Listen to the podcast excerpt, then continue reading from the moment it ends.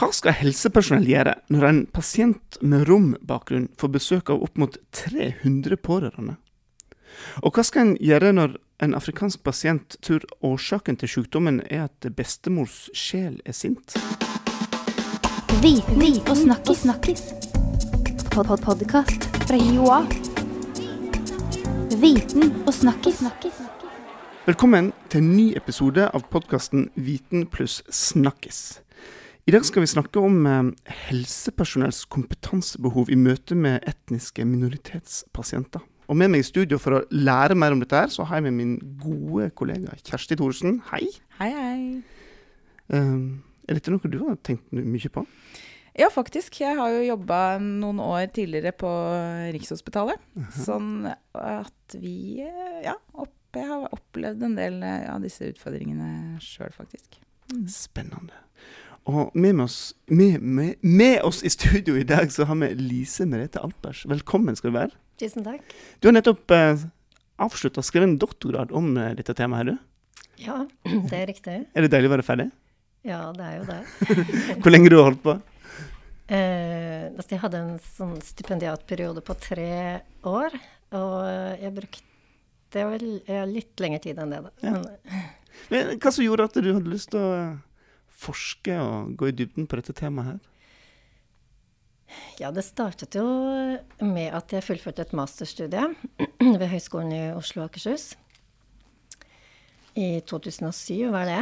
Eh, og så ble jeg i ettertid spurt eh, av sykehuset som jeg var ansatt på da, Lovisenberg diakonale sykehus, om jeg kunne jobbe med et prosjekt relatert til eh, etniske minoritetspasienter.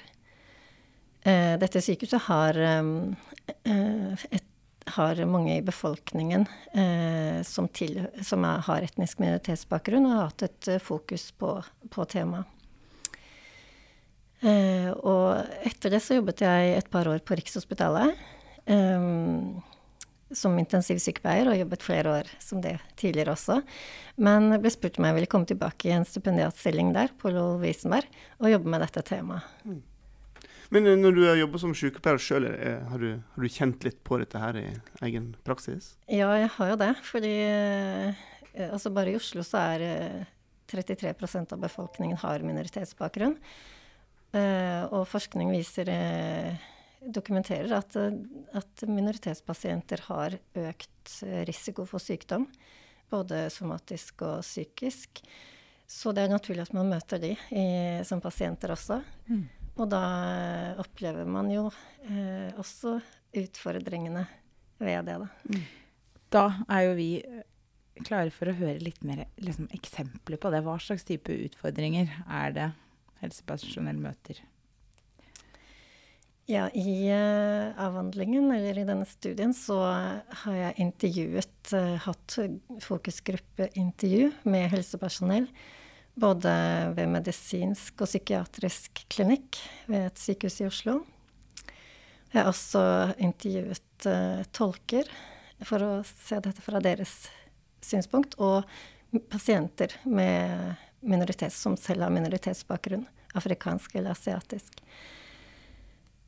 Og noe av det jeg har funnet, um, det er at det, er behov for kompetanse som er konkret og knytta til klinisk praksis. Helsepersonell beskriver eh, flere eksempler på det.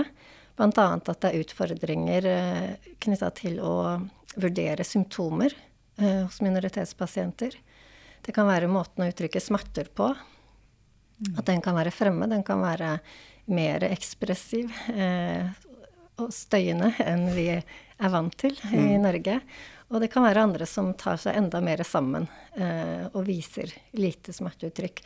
Og begge deler eh, gjør det vanskelig å vurdere smerte og gi eh, smertelindring eh, eh, på en god måte. Og forskning viser også det at om pasienter uttrykker smerte på en annen måte enn det vi er vant til, så får de ofte dårligere smertelindring. I psykiatrien så var det også vanskeligheter, uttrykte vanskeligheter med å vurdere symptomer. Og mente at det kunne At eh, kulturuttrykk, eller måte, kultur kunne diagnostiseres. At de var bekymret for feildiagnostisering pga. kompetanse eller mangel på kunnskap om dette, da. Mm. Det betyr at altså, innenpå det med smerte, så, så, så, så må en da kunne litt om hvordan forskjellige kulturer uttrykker smerte.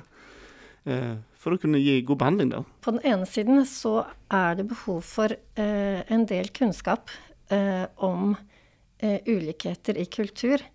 Men jeg tror ikke det blir riktig å legge opp til kompetanseøkning bare ved det. Og så kunne ulike kulturers smerteuttrykk, f.eks. For eksempel, fordi at det er også store individuelle forskjeller. Så, det er, så det, det, er, viktig å gjøre begge deler, og det gjelder egentlig alle disse konkrete temaene. Det er jo andre temaer jeg har gått inn på, også kosthold på sykehus f.eks., og det med ulike eh, oppfatninger om sykdom og behandling for sykdom. I alle disse konkrete temaene så er det på den ene siden viktig å eh, vite noe om de ulike, hva variasjonene kan være, men samtidig undersøke hva som gjelder for den enkelte pasient. Men for å kunne stille de spørsmålene til den enkelte, så må man ha en del konkret eh, kunnskap. Vi hadde et eksempel i starten her. Eh, hva, altså En ting er liksom hvordan man oppfatter sykdom og, og takler sykdom og smerte og sånn, men dette med forståelse av hvorfor man blir syk. Ja. Eh, hvordan kan du si noe om forskjellene fra kultur, kultur, til kultur der? Ja, i Norge så er vi jo vant til, eh, og det er jo det helsepersonell lærer i utdanningen, det som bygger på en biomedisinsk eller skolemedisinsk eh, forståelse.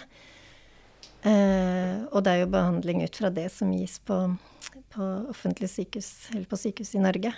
Men eh, mange med minoritetsbakgrunn eh, kan kjenne til den, eller kommer fra kulturer hvor de er, kjenner godt til det, men at de også eh, i tillegg, eller, eh, eller, bare, forholder seg også til andre eh, sykdomsoppfatninger. Og det kan være eksempler på det kan være kinesisk medisin, ayurveda, unanitib og lignende. Og noen av disse har jo også lange eh, utdanninger, universitetsutdanninger, disse retningene. Er dette sånne retninger som vi ofte definerer som alternativ medisin? Ja, det, vi gjør jo det. Mm. Eh, det er jo ikke Det regnes jo ikke som innen det profesjonelle eh, helsevesenet i Norge å mm. tilby den type behandling. Mm.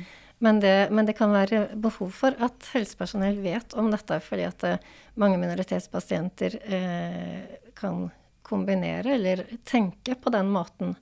Og det kan jo være veldig, en veldig annen, annen, måte å tenke på enn det eh, en norsk sykepleier eller lege tenker. F.eks. at årsaken til sykdom kan være en straff for noe galt som de har gjort selv, eller andre i familien har gjort. Mm. Eh, at det kan være forfedre som er, eh, som er årsaken til sykdom. Eller at mange av disse retningene, medisinske eh, filosofiene har en balansetenkning. Eh, at det å være frisk er å være i balanse, og å være syk da er man i ubalanse, og for å bli frisk må man rette opp det. Og det kan være ulike ting man må gjøre som, eh, for å rette opp det. Og det F.eks. Eh, kosthold, da, mm. som kan være en annen måte å tenke på. Du sier da at her trengs det mer kompetanse.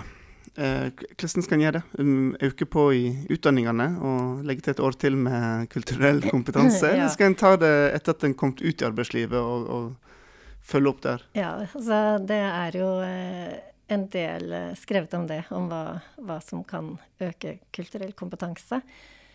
og utdanning er en av de tingene som det er fokus på, da og i utdanning hele veien. I, I, grunnutdanning, i videreutdanning, men også når man er ferdigutdannet i arbeidslivet. Så det blir også en oppgave for arbeidsgiver å ha fokus på det. Jeg tror ikke det, løsningen er å legge til et år, som du sier. Altså, jeg tror det er viktig å integrere det i de ulike temaene underveis. Ikke bare ha tre dager med fokus på minoritetspasienter, og så kan man krysse av for det. Men at det integreres i de ulike temaene når det er relevant. F.eks. når man har undervisning om diabetes eller hjertesykdom, og ta med at uh, en, en, del av befolkningen har økt risiko uh, for det mm. pga. minoritetsbakgrunn. Mm.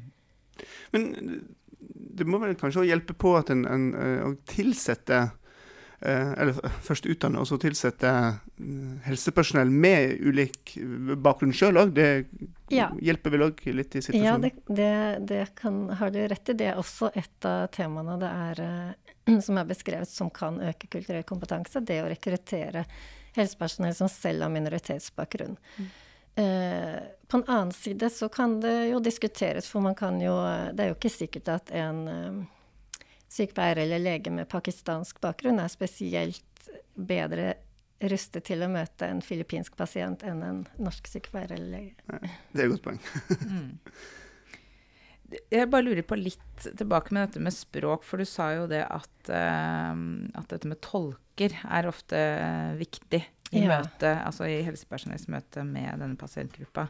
Uh, hvordan har du, har du noe oppfatning Ja, hvordan fungerer det? Hva slags rolle får tolken? Hvem er det som på en måte eh, Ja, hvordan fungerer det Ja, samarbeidet? det med samarbeid med tolk var et av um, temaene som kom fram i denne studien. Um, og det, det, det viser, altså funnene viser at det er behov for altså et bedre samarbeid mellom helsepersonell og tolker. Eh, og særlig tolkene, eh, eller begge parter, ga uttrykk for det eh, på forskjellig måte. Så disse utfordringene da, i kommunikasjon og samhandling når samtalen foregår via tolk, det kan være av flere, flere typer. Det kan være de, de har ulike oppfatninger om i hvilken grad tolken skal oppklare misforståelser. Og helsepersonell hadde en oppfatning av at det, det, det gjorde selvfølgelig tolkene hvis de oppdaget misforståelser i samtalen. Mens tolkene eh, de fulgte sine etiske retningslinjer og eh, mente at de verken skulle legge til eller trekke fra noe. Så bare Eh. tolke sånn ord for ord omtrent. Ja, ikke ord for ord, for det, det er jo vanskelig eh, å gjøre pga. språkenes ulikheter. Men, eh, men eh, ikke bidra til det, da. De fleste eh, forholdt seg til den måten å gjøre det på. Eh, et annet tema var om tolkene skal ha en rolle som kulturtolker, i tillegg til språklige oversettere. Mm. Eh, og det kan jo diskuteres med både fordeler og, og ulemper. Eh, og enda et tema var det at pasientene kunne være redde for å si ja til å bruke tolk, fordi eh, de var redd for at tolken skulle bryte taushetsplikten.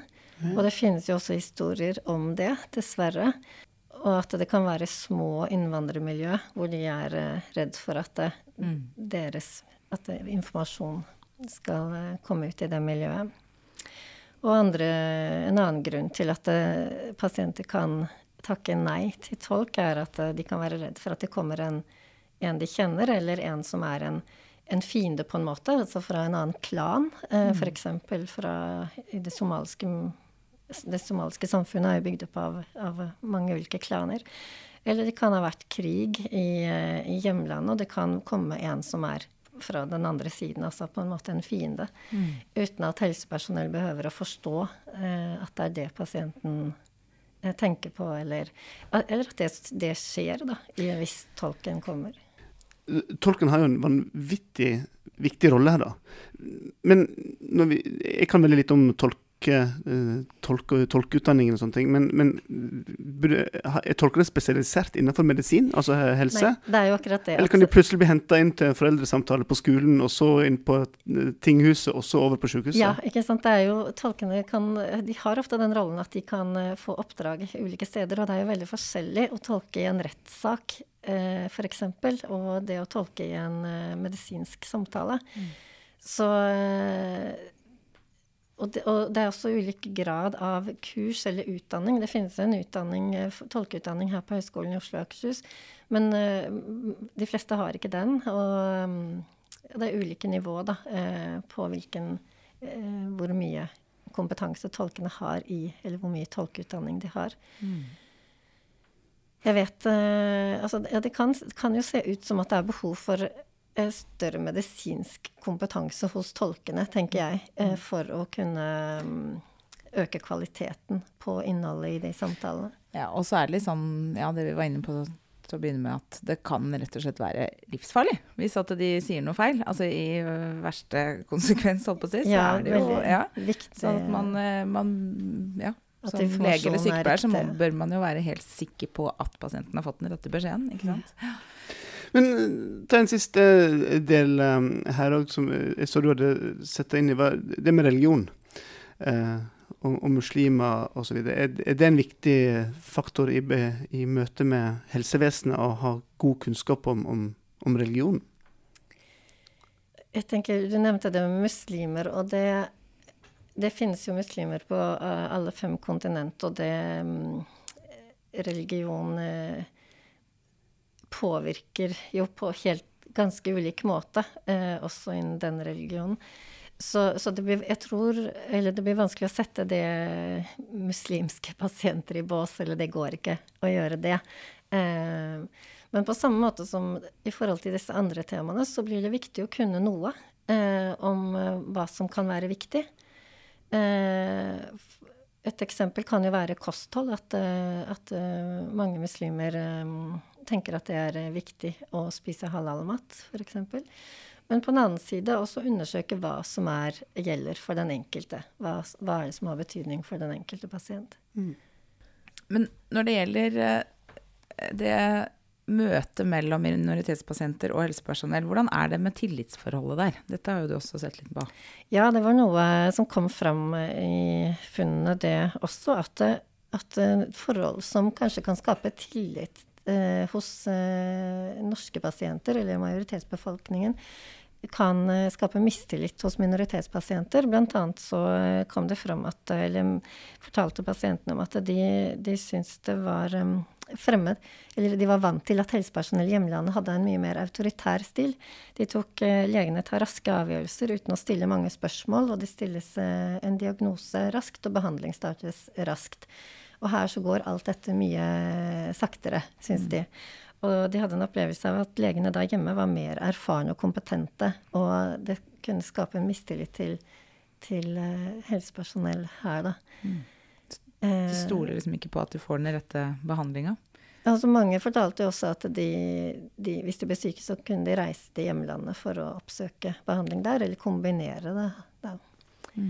Eh, noe annet som, eh, som, eh, som, disse, som pasientene fortalte om at de reagerte på, det var at det var fremmede å, å få direkte informasjon eh, på sykehuset om, om prognose og diagnose som de ikke var vant til i, i hjemlandet. Og mm, at det å få Ofte kan, er det kanskje familien i stedet som får den informasjonen og vurderer om pasienten selv skal få vite det, eller at det de ikke ja, ønsker den. At det ikke er vanlig å gi det. Og de hadde litt eh, ulike oppfatninger om hva som er riktig her. På den ene måten syns eh, de at det kunne være greit å få vite hvordan det egentlig var. Men hvis det var veldig alvorlig, så, eh, så, var det ikke sikkert at det ville være bra, eller at de kunne det kunne fremskynde døden, rett og slett, da, å få den Oi. eh, alvorlige beskjeden direkte. Eh, Har du sett at det er noen utfordringer eh, med tanke på dette med liksom intimitetsgrenser, på et vis? Altså, jeg ser for meg liksom Det er jo ofte man går til legen og, og man må liksom bare legge fra seg noen grenser og bare ting som man kan synes var flaut å snakke om, eller ting som er veldig personlig eller har med seksualitet å gjøre, for den saks skyld. Altså, er det noen liksom utfordringer når det gjelder det, de, fra kultur til kultur? Ja, så Noe som de nevnte, var jo det at eh, i forhold til det med autoritetspersoner igjen, at, eh, at, eh, at flere av disse pasientene jeg snak, eh, intervjuet, sa at de var jo ikke vant til å kunne se en autoritetsperson i øynene. Og at det, det er eh, ikke høflig i deres hjemland, og at det, eh, det sitter veldig dypt. Da. Eh, mange av disse kulturelle tingene sitter dypt.